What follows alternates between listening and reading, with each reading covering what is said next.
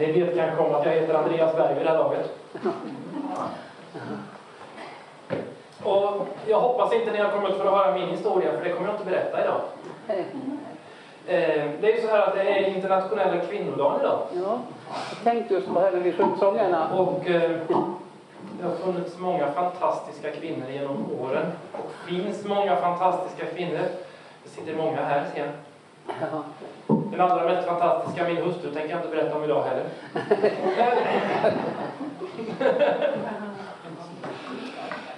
eh, utan jag kommer berätta om en annan kvinna idag faktiskt. Som var en fantastisk kvinna. Och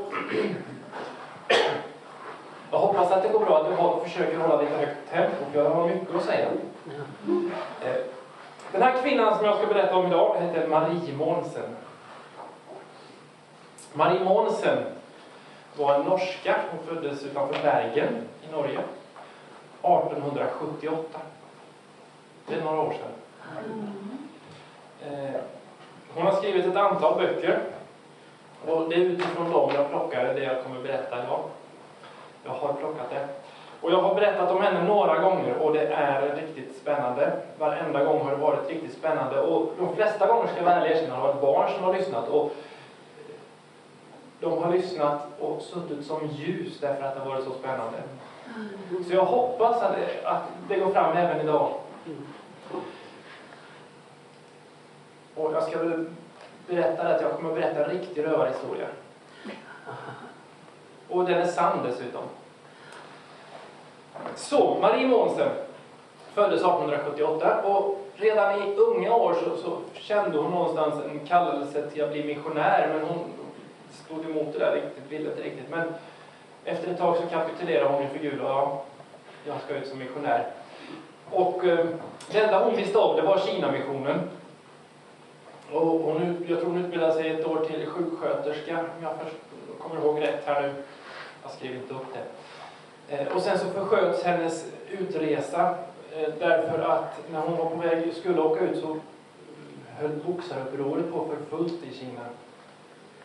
Och för er som vet vad boxarupproret var så var det mängder av eh, västerländska missionärer som var dödade i Kina under detta år, år 1900 i Kina. Eh, eh, När jag har varit på toppkonferenser många gånger så, så har de berättat att eh, boxarupproret, att Helgesförbundet hade missionärer i Kina som omkom på boxarupproret, ganska många. Men redan Tio år, stycken. tio stycken. Men redan året efter så sänder de iväg missionärer igen till Kina. Och även Marie Månsen, hon kom inte från Helgelseförbundet, men även hon reser ut året efter till Kina. 1901 reser hon ut till Kina. Och det är hjältestatus på det tycker jag. Ger sig ut för att eh, berätta om Jesus. Och hon är ute i tre perioder. Och mellan varje period så känner hon, nej, jag, jag är fullständigt värdelös på det här. Jag kan ju inte träffa människor, jag kan ju inte ta människor, jag kan ju inte... Hon kände sig riktigt värdelös helt enkelt. Helt tömd på sig själv, på sitt eget. Men under första, redan under första perioden så hörde hon talas om väckelsen i Korea som eh, var någonstans 1907-1908. Mäktig väckelse. Och, och hon tänkte, Gud kan jag inte få åka dit och, och, och blir besmittad av det här? Jag vill ha det. Men Gud sa till dem, nej, det du kan få genom att åka dit, det kan du få av mig här om du, genom att du ber. Och då sa hon, ja, jag ska be på en gång. Och var på väg att gå in till sin bönekammare. Men, men när hon var på väg dit så känner hon som en orm som bara kramar om henne. Sån här, vad heter de? Riktigt kram, kramande ormarna. Och liksom nästan kramar livet ur henne. Men hon lyckas viska Jesus, Jesus. Och varje gång hon säger detta underbara namn så känner hon att det här greppet släpper. Och hon förstår hur viktigt det är att hon tar bön för Kina för att väckelsen i Kina ska få bryta igenom. Men som sagt, hon åker hem eh, mm, några, ett par gånger. Och varje gång känner hon sig fullständigt misslyckad. För hon, hon har inte fått göra det hon vill. Hon har inte fått se människor få möta Jesus. Tredje gången hon åker ut så, så börjar hon i stort sett med att ta en fastedag där hon ber inför Gud och ropar till Herren och, och känner här sig fullständigt misslyckad men hittar ett bibelord och tar tag i det om att Gud ska vara med, Gud ska ge kraften och, och ta tag i det och tro på det. Och så efter ett tag så kommer fienden igen och, och trycker ner henne. Och, och så går det så några gånger. Men till slut så ger hon upp fullständigt och Gud, jag kan inte. Men Gud kommer med, med sin kraft till henne. Och hon får tag på några vänner som hon ber tillsammans med i överenskommelse och bön. Och bara några dagar efter det här så får hon vara med om att en grupp med infödda kvinnor som hon är och undervisar lite grann i börjar bekänna synder. Bekänna sin synd för henne. Och vilket resulterar att det blir fullständigt, de här kvinnorna blir fullständigt befriade. Fullständigt fyllda av glädje. Fullständigt fyllda av frälsningen som Gud har. För varenda en av oss. Och, och Maria står wow, vad är det här? Yes, ja. Och några dagar senare så har hon en grupp med, med missionärsfruar som, som hon skriver i boken var oregerliga. Eh, vad hon menar med det vet jag inte. Men eh, hon skriver så. Och hon har en träff med de här missionärsfruarna. Och, och helt plötsligt så börjar även de bekänna sina synder och få, ta, få göra upp inför Gud. Och även de får möta Gud till fullständig förvandling, till frälsning. Och efter det här så börjar en tid där Marie får faktiskt resa runt i Kina. Och hon träffar på olika, olika eh, missionsstationer och olika människor. Och nästan var hon än kommer så, så får människor vända om till Gud, göra upp med sin egen synd inför Gud.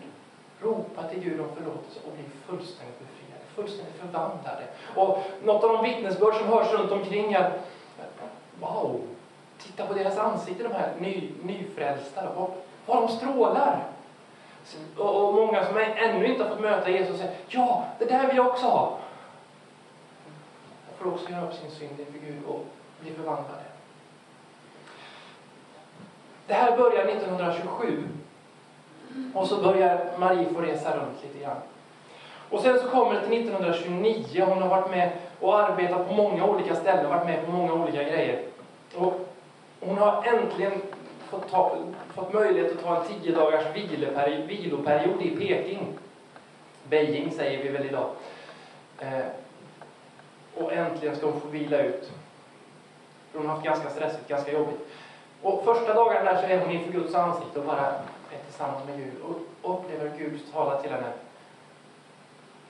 Eh, för det var så att hon skulle åka vidare till några amerikanska missionärer den 22-23 april 1929. Men de första dagarna där så är hon i bön och så Gud, säger Gud, går det en båt den 19 så ta den. Ja, men Gud, jag vill ju vila, jag vill, jag, jag vill ju ha mina tio dagar. Men hon hör på nytt maningen från Gud, går det en båt den 19 så ta den. Så hon skickar iväg ett telegram till, eh, till eh, hamnstaden och frågar, går det en den 19? Varvid de svarar, kom. Så hon snabbt och kvickt gör i ordning, hon packar bort alla vinterkläder, för det är ju april, det är vår håller på, hon vill ha så lite packning som möjligt. Och sticker och, och tar, sig, tar sig ner till hamnstaden den 18 april. Eh, det var bara att precis innan hon, hon kommer iväg till hamnstaden så får hon ett paket från Norge. Några missionsvänner som har skickat henne en julklapp i god till, tid för att komma fram till jul. Eh, med en stor, om det var en jacka och yllestrumpor. Och hon bara, nej men varför får jag det här nu för? Kunde de inte kommit någon dag tidigare så jag hade kunnat magasinera det här bland de andra grejerna men som var tvungen att ta med det. Utöka packningen. Hon kommer ner till hamnstaden och då visar det sig att det går en båt den 19 men alla platser är fulla. Eller full. Det finns liksom ingen, ingen plats. Men så tänker hon, men vill min far att jag ska, min far just Gud att jag ska med den här båten, så ordnar han det. Och efter någon timme så kommer styrman på båten och erbjuder henne hans hytt. Du kan få det min hytt mot en extra betalning. Ja, det här blir ju fixat. Så hon tar det. Eh, och när det är ordnat, fixat och färdigt så, så hör hon Gud säga, gå ut och köp några äpplen. Nej men äpplen, vad? Nej. Jag, jag har ju så mycket packning ändå, jag ska bara vara på den där båten en natt. Varför ska... Jo, gå och köp lite äpplen. Så hon knatar iväg till affärer och letar efter äpplen. Jag tror hon går till ett par stycken affärer till och med innan hon hittar äpplen. Hon köper allihopa hon hittar, två kilo. Tar med sig, lägger ner i packningen. Eh, till saken hör också att hon har under faktiskt en längre tid haft med sig fyra, fyra askar konfekt och lite choklad och 15 paket kex som hon har försökt att ge bort många gånger men misslyckats. Senast så försökte hon ge bort dem till den missionär hon var hos i Peking, till, till ett av barnen i familjen. Men precis när hon hade gett bort det så kommer mamma in i rummet och säger Nej men det där kan du inte ta emot, du måste ge, lämna tillbaka det till Marie. Så hon har detta med i packningen. Dessa kex, dessa, eh, det med choklad och konfekt. Precis där kommer det dessutom ett till paket från Norge med fem tjocka buntar med tidningar. Det var så att ett antal missionsvänner i Norge kom, tyckte att hon behövde läsa om kronprinsparets bröllop. Så det var hon också tvungen med att lägga in i packningen. Hon bara, nej, varför? Jag vill ju resa lätt ju. Vilket fall som helst. Morgon den 19 så går hon, går hon på båten efter att ha lämnat alla pengar hos den, den missionärsfamilj hon var hos. För hon kände, ja, förutom det hon behövde för resan, för hon upplevde att Gud sa till henne, lämna dina pengar.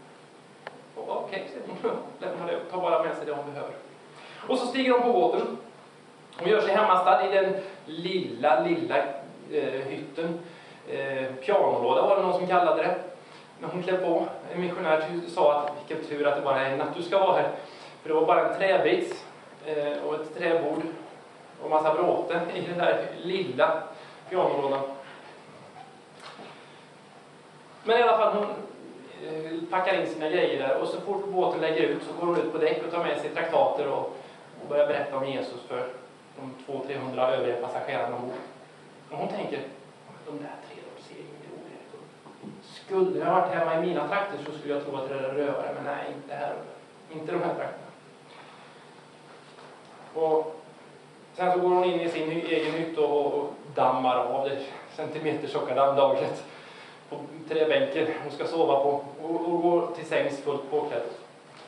Vad hon inte vet är att då står det två stycken rövare i styrmans hytt. Med varsin pistol riktad mot huvudet på varsin sida. Om styrman och ser till att de håller en annan kurs än de egentligen ska. När morgonen kommer så hör Marie ganska snart, eh, samtidigt som hon egentligen ser land genom en glugg, så hör hon pistolskott och hon förstår på en gång att den här båten är tagen av rövare. Eh, det var 20-tal rövare ombord som hade stigit ombord i, i, i hamnstaden Tientsin. Eh, och sen så kommer det ytterligare 40 rövare till, så att det är väl en 60 rövare ombord på båten. Och på en gång så ger Gud henne ett bibelord som hon har citerat för sig själv många gånger. Och hon citerar bibelordet så här, från Jesaja 41 och 10. Frukta inte Marie, ty jag är med dig. Var ej försagd Marie, ty jag är din Gud. Jag styrker dig, jag hjälper dig och Marie, jag uppehåller dig med min rättfärdighets högra hand. Det har hon citerat många gånger, men hon fick det här till sig på en gång. Och, och så tänker hon, ja Gud, jag vill vara lydig. Jag tänker inte frukta. Jag vill vara lydig mot dig. Jag tänker inte frukta. Eh, och ganska snart så kommer alla rövare och rusar runt på alla hytter som finns. Och eh, öppnar dörrarna så fort de kan. Och ropar ut med ut med och ner i lastrummet! Och sen springer de vidare. Eh, och Marie, hon tänker, den här hytten har jag fått av Gud. Den har Gud gett mig. Så här stannar jag. Och rövarna de stannar aldrig för att titta om, om alla har försvunnit, utan de tar bara det för givet. Och så, men flera gånger springer de runt så. Och så, och så får Maria en sång i huvudet. Mitt dörrträ har lammets blod bestrykit. Jag vet inte om ni har läst om, om Israels barn i Egypten. Hur, hur de strök dörrträet med blod, med ett lams blod. Och då gick, gick eh, förstöraren, förgöraren förbi dörren. Så att det blev som ett beskydd. Och på samma sätt så upplevde Maria att Gud har satt ett skydd vid hennes dörr.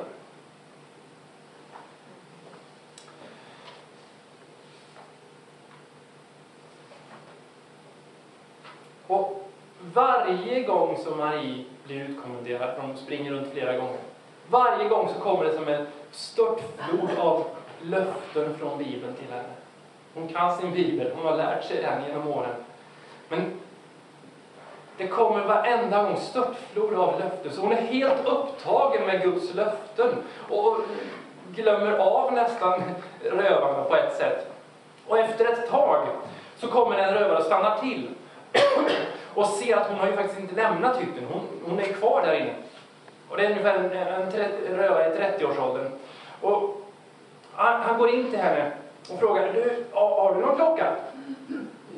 Och Marie som är fullt upptagen med Guds löften kommer helt av sig. Ja, ja, ja, jo, det har jag ju, säger hon och visar honom. Vad vill han säga? Ja, vill du inte bli av med den så ska du gömma den. Ja visst, säger hon och tar av sig klockan och gömmer den under byltet som hon har som huvudkudde. Och så går han iväg. Och strax därefter så kommer en 18-åring och, och, frågar eh, Har du någon klocka? Ja, det har jag. Eh, skulle du vilja ge den till mig? Nej, jag brukar inte ge presenter till sådana jag inte känner. Svarar Marie. Nej, men du förstår, om du ger den till mig så blir jag din vän. Nej, sådana vänner vill jag inte ha. Sådana vänner har jag aldrig haft. Svarar hon den här rövaren. För fruktan var ju borta hos henne. Hon hade ingen fruktan. Hon var fylld av Guds löften. Ja, men förstår du inte, säger han. Alltså, om, om jag blir din vän, då kommer jag beskydda dig mot de andra rövarna. Nej, sånt beskydd behöver inte jag, för jag har något mycket bättre beskydd. Min far, Gud i himlen, han beskyddar mig. Och då blir den här 18-årige rövaren riktigt vred. Han blir jättearg, hoppar upp, tar fram sin pistol och säger Jag skjuter dig! Nej, säger Marie, det kan du nog inte. För inget vapen som riktas mot mig ska lyckas, det har min Gud sagt. Det var det dummaste! Jag skjuter! Nej, det går nog inte, för inget vapen som riktas mot mig ska lyckas, det har min Gud sagt. Och det här säger Marie till honom flera gånger. Och efter ett tag så bara han och går därifrån. Under kommande dagar hör hon flera gånger den här rövaren säga vad dum hon är, hon tror att jag inte kan skjuta henne bara för att hennes Gud säger att inget vapen som riktas mot henne ska lyckas. Vad dumt va? Men han sköt inte.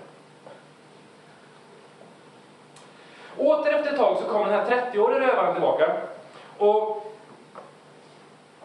frågar återigen efter Maries klocka. Ja, jo, det här är den. Säger Marie. Ja, ja men vilken fin klocka du har. Ja, den här skulle jag vilja ha. Eh, visst får jag den av dig? Nej, det får du inte. Ja, ja och så pratar han någon sekund och så. Ja, visst fick jag den av dig? Nej, om du går med den så har du stulit den av mig, säger Marie. Och så går han med klockan. En halvtimme senare för, för till saken hör att Marie tänker, ah, klocka, det är inte så viktigt. Jag kan få vilken klocka som helst och det kan Gud förse hur som helst. Men det hade varit bra att veta vad klockan är här ombord på båten, när jag är här. Men en halvtimme senare så kommer en annan rövare som ser jättetrött ut. Kommer in och plockar fram Maries största väska, sätter sig på den och börjar prata med, prata med Marie. De har ett allvarligt samtal och jag vet inte hur det kommer sig men och Marie pratar med honom, berättar om Jesus för honom och till slut så blir det riktigt närgånget för den här rövaren så han hoppar upp, nej, klarar inte av att sitta längre. Och, men istället så säger han, du, har hon tagit något för dig? Ja, jo, det var en eh, som tog en, eh, en klocka för mig. Ja, ja, då ska jag se till att du får tillbaka den. Marie tänkte, ja, vi får väl se. Men efter ett litet tag så kommer han faktiskt tillbaka och ger tillbaka klockan till henne. Och säger, ah, ja, nu har du fått tillbaka den och är det någon mer som vill ha den så säg, hälsa att generalen har sagt att ingen ska ta den från dig. Och det är flera som försöker fråga efter den, men hon svarar varenda gång, men den har redan tagit och jag, har fått tillbaka den och generalen har ju sagt att du inte får ta den från mig. Ja, okej, okay. svarar rövarna då. Här får Marie ett bibelord hon får många bibelord hela tiden till sig. Ett av bibelorden hon får är från Malaki 3.18. Där står det så här. Ni skall då åter få se vilken skillnad det är mellan den rättfärdige och den orättfärdige, mellan den som tjänar Gud och den som inte tjänar honom. Och hon ber, måtte alla hundratals passagerarna och de besättningsmännen och rövarna få se att det är skillnad på mig som tjänar Gud och de andra som inte tjänar Gud. Hon ber den bönen inom sig. Rövarna får massa vapen och ammunition. Till, det kommer en massa andra småbåtar. Och de har vapenförrådet på ena sidan av Maries hytt. Och huvudkvarteret på andra sidan av Maries hytt. Så Marie hör i stort sett allt vad rövarna håller på med hela tiden. Och vad de säger, för det är bara tunn trävägg emellan. Så hon hör i stort sett allt de säger och allt de gör. Ehm. Och de fem första dagarna håller rövarna på och leker totalt sjörövare, vikingar, fullständigt och, och skjuter på varenda båt de kommer inom synhåll. Så det är ett konstant liv och konstant rövande hela tiden. Och efter fem dagar så har Marie då inte lyckats sova någonting på grund av det här fullständiga kaoset som har varit under dessa fem dagar. Och hon ropade till Gud, Gud, jag orkar inte längre. Du måste hjälpa mig, jag fixar inte det här längre. Och det dröjer, det dröjer inte lång stund förrän det blir alldeles tyst. Marie vet inte vad som händer, hon bryr sig inte heller. Hon lägger sig på träbritsen och somnar som en stock. Efter det här så blir det inte så mycket eh, röveri längre, utan de, har, de lägger till inne i en bukt eh, så att de inte syns. Och ligger ganska stilla där sen. Eh, vid ett tillfälle så har de två stycken fruktansvärt rysliga rövare som ser värre ut än alla rövare hon någonsin har sett tidigare. Och de står utanför hennes dörr och viskar, tisslar. Och hon förstår nog vad de tänker. Och efter ett litet tag så kommer den ene, går in och sätter sig fullt med köttsår i ansiktet och öppna sår och luktar fruktansvärt. Och han sätter sig så nära så att hon känner hans andedräkt eh, mot, mot sig. Och, och hon upplever hur Gud säger att jag ska sätta en eldsmur omkring dig. Så att hon kan inte göra någonting. Och helt spontant så kläcker Marie ur sig, när han fortfarande sitter, inte sagt något än. Lever din mor än? Ja, jo. Ja, hur gammal är hon? Ja, ja, hon är 51. Ja, men då är hon och jag lika gamla. Och så börjar de samtala och de sitter och samtalar en timme och Marie får berätta för den här rövaren om Jesus, vad han har gjort, vem han är. En hel timme sitter de och pratar och efter en timme så går han därifrån med gråtande. Därför att han ser att det finns något annat.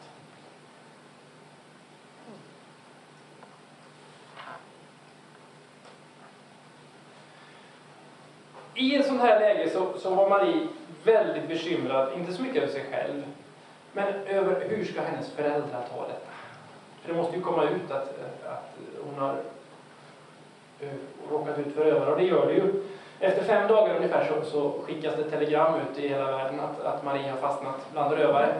Vilket är för det första ganska bra för att det är väldigt många som börjar be för henne. Eh, och hon känner hur, hur, hur, hon blir buren av dessa förböner. Men och så tänker de, hur ska det gå för mamma och pappa? De är 80. Hur ska de klara av att höra att jag har hamnat bland rövare?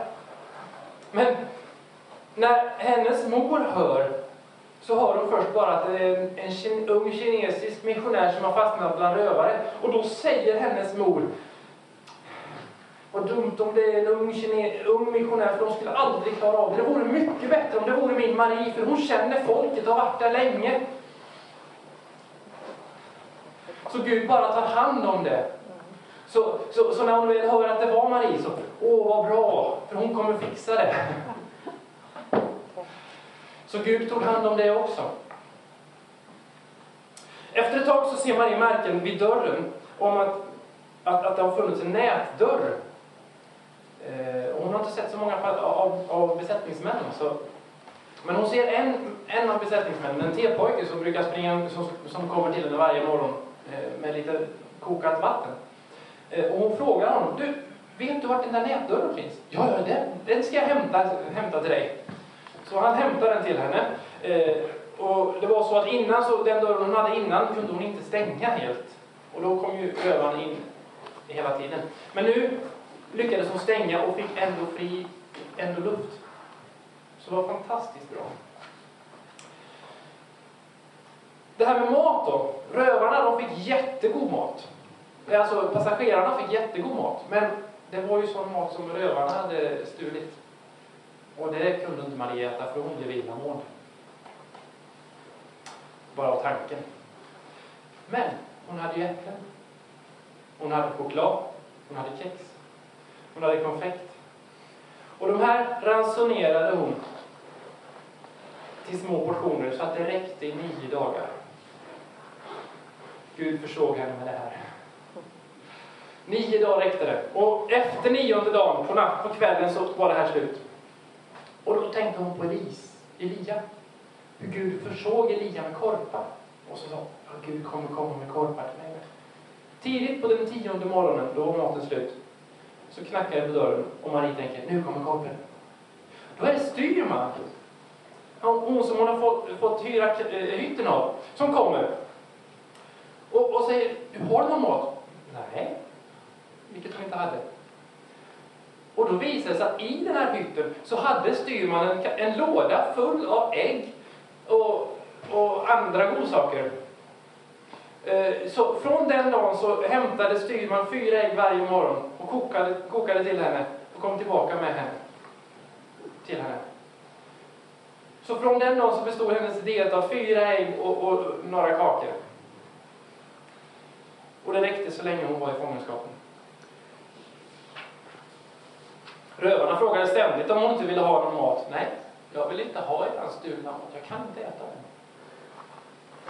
Och då var det en som kom in som var jättesjuk egentligen, men som jag, jag, jag, jag är så ont att du inte äter. Eh, vad ska vi ha för mat till dig? Ja, men Gud förser.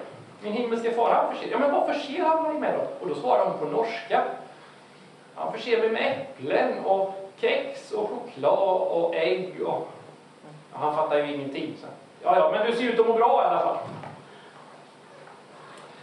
Eh, efter ett tag så, så konstaterar Maria att däcket, bör, alltså hela båten börjar bli riktigt äcklig och smutsig på dagen. Så hon frågar övarna, du, hur är det, har ni låst in kaptenen eller vad det är han? Ja, han är inlåst i sin hytt. Och de övriga besättningsmännen, ja de är också inlåsta. Ja, då förstår jag att ingen tar hand om skeppet. Det här måste ju, ett sånt här stort skepp, det måste ju, måste ju spolas varenda dag och, och hållas i ordning och dricksvatten måste ju fixas och allting. Det måste ni se till att det blir gjort. Ja, ja, ja visst. Och, och se till att det blir gjort. Och likaså säger hon om, om de andra passagerarna som är inlåsta i, i lastutrymmet. Ni måste, de måste komma upp och få frisk luft. Ni, ni kan inte vara instängda där. Ni måste öppna luckorna in till lastrummet så de får frisk luft. Ja, så blir det också gjort.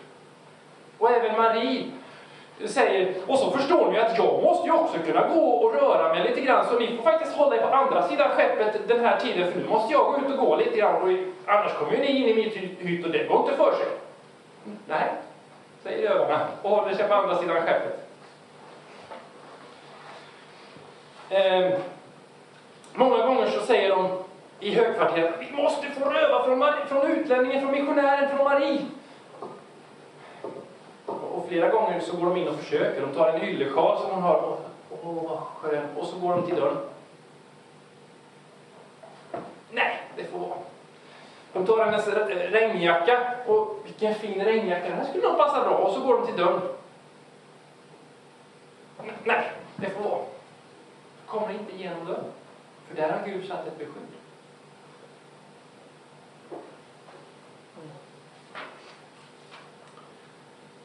Eh, gör det något om jag drar över någon minut?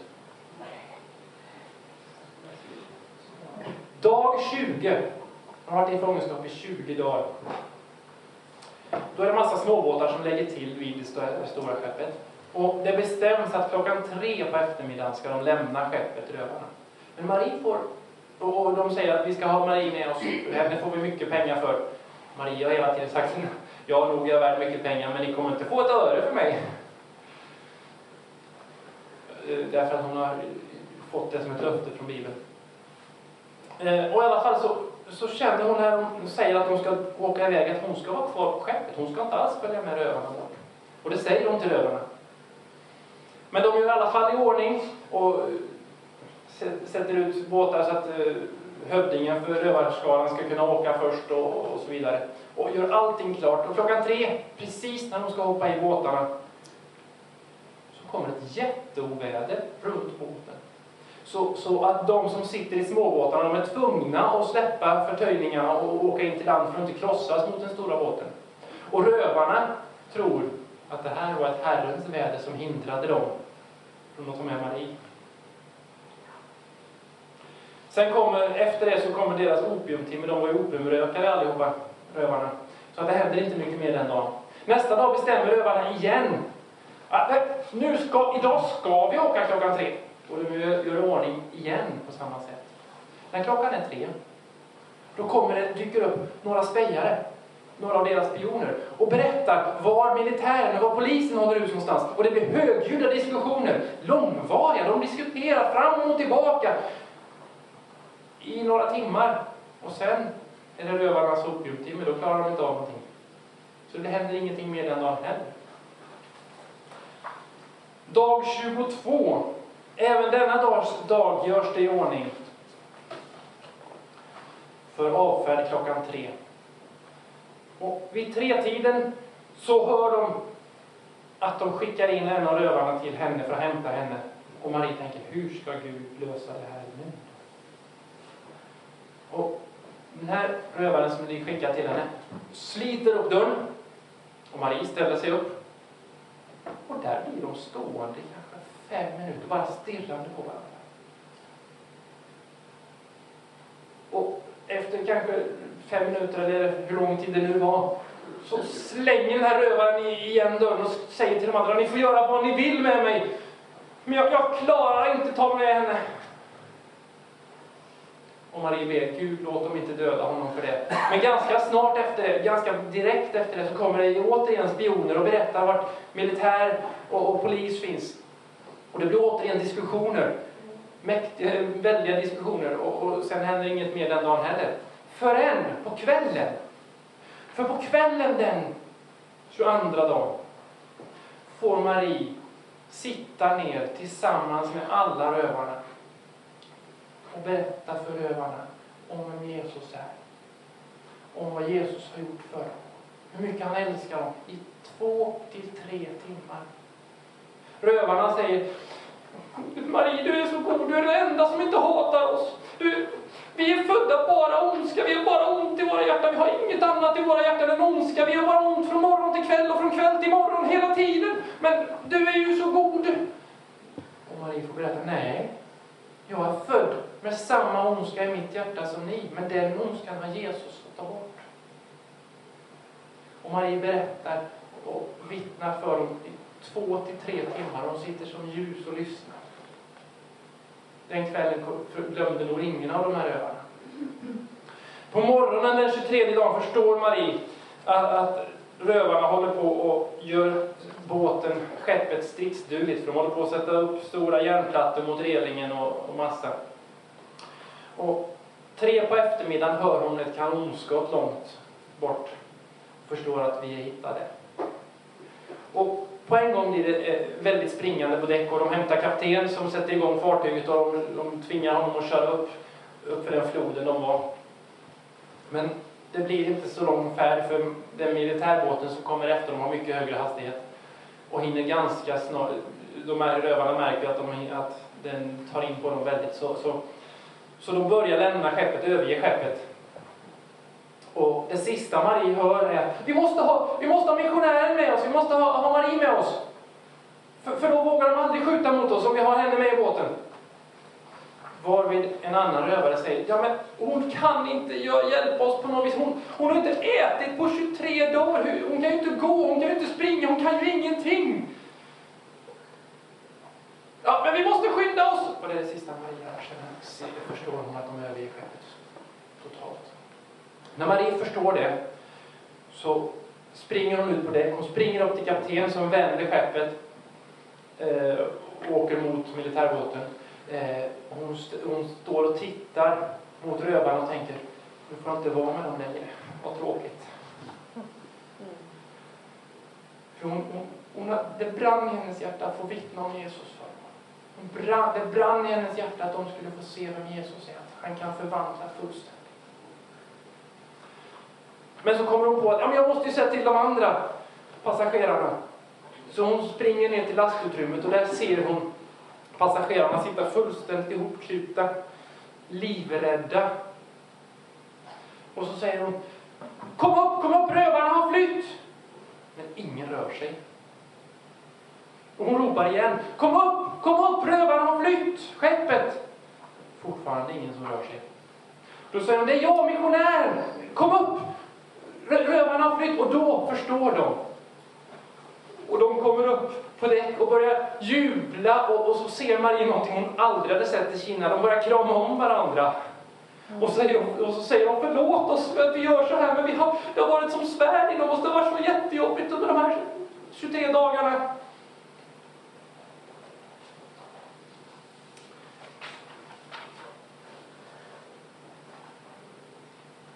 Och efter, och efter det här så, så, så säger, när hon möter kapten så säger han Jag har förstått, säger kapten, att det var, att det var du som var kapten under det här, på det här skeppet de här dagarna. Säger han till Marie. Och när de andra passagerarna ser henne så brister de ut. Tack! Tack för att du har varit hos oss. Tack att du har varit ombord. Det har blivit så mycket bättre när du har varit här än om du inte hade varit här. Och, och någon sa, det har känts som att vi har vår egen mor med ibland oss.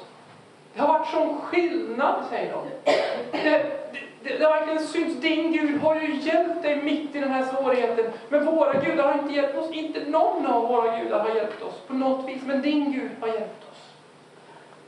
Och det var det bästa Marie kunde höra. För det var det hon hade bett om. Låt det bli en skillnad mellan den som tjänar Gud och den som inte tjänar Gud. Vilket det verkligen blev. Man kan tänka sig att efter en sån här händelse som är ganska omskakande kan man tänka sig att hon åker raka vägen hem till Norge, men nej. Marie väljer att vara kvar i Kina och hon får se och reser runt på, till plats efter plats. Och där hon kommer så får hon se människor på nytt får vända sig till Gud. Men Människor får göra upp sin synd med Gud och ropa till Gud om förlåtelse och bli fullständigt förlåtna. Många får möta Gud. Marie är kvar till, i Kina till någonstans 32-33, alltså 3-4 år till efter den här händelsen. När Gud säger till henne att hon ska åka hem till Norge. Många år senare, Marie lever, ska jag säga, Eh, ända fram till 1962, bor i Bergen fram tills dess hon skriver ett antal böcker. Rekommenderas verkligen. Hjälp i nöden, en märklig väckelse rekommenderas verkligen. Det finns flera böcker hon har skrivit. Många år senare så kommer en, en man som heter Broder Jun. Jag vet inte om det är 90-tal kanske till och med. Eh, som han kom från Kina. Eh, han har skrivit en bok som heter Den himmelske mannen. Jag har inte läst den, men jag har hört berättas från den. Att han kommer till Norge och letar upp Maries grav för han vill se och hedra den människa som har fört evangelium till Kina.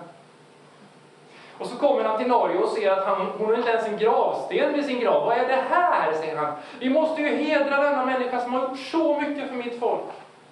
Och han fixar fram en gravsten. Men vilken livsgärning! Tänk att få vandra i den tron som vi fick höra om i början. Som Marie vandrade i. Och jag tror att det faktiskt är till för oss var och en. Att vandra i tro på det här ordet på det sättet. Tack Jesus att du var med Marie. Mitt i den här svåra situationen. Du, du gav henne styrka, du gav henne kraft mitt i den prövningen. Och du har sagt att du har lovat här att du inte ska ge större prövningar än vad vi klarar av. Utan att du ger kraft, Herre. Och Jesus, hjälp oss att på samma sätt som Marie ta tag i löftena. Hjälp oss att också ta tag i löftena du har gett i ordet. Herre. Att leva för dig dag